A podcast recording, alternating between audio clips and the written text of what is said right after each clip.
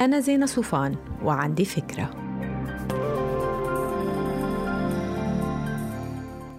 هاي بتضلك خايف كل ما خصصت وقت لنفسك إنك تكون عم ترتكب فعل أنانية؟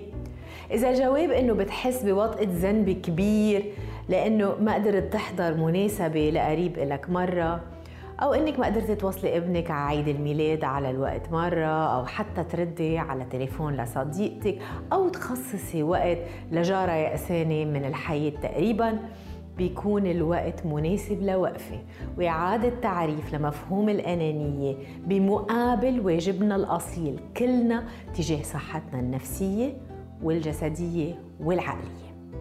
اللي بيخصص وقت للرياضة مش أناني. واللي بتخصص وقت للسبا مش أنانية.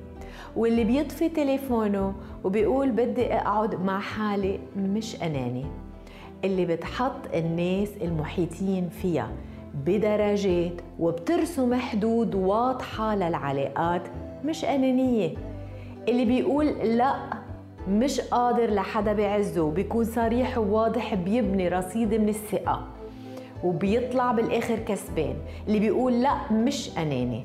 شخص اللي بيعمل من حاله شمعة وبيحترق للآخرين ما بينفع حدا بالآخر لما يدوب ويحترق. بيخسر نفسه وبيخسر اللي حوله.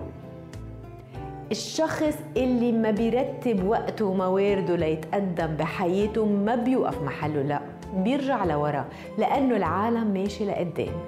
اللي ما بينقى بحاله عن المنغصات والعلاقات السامة والإجهاد غير المبرر بيكون عم بحط أثقال غير ضرورية على صحته النفسية. حافظوا على نفسكن. هيدا واجب مش أنانية.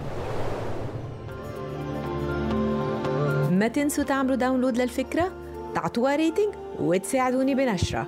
bye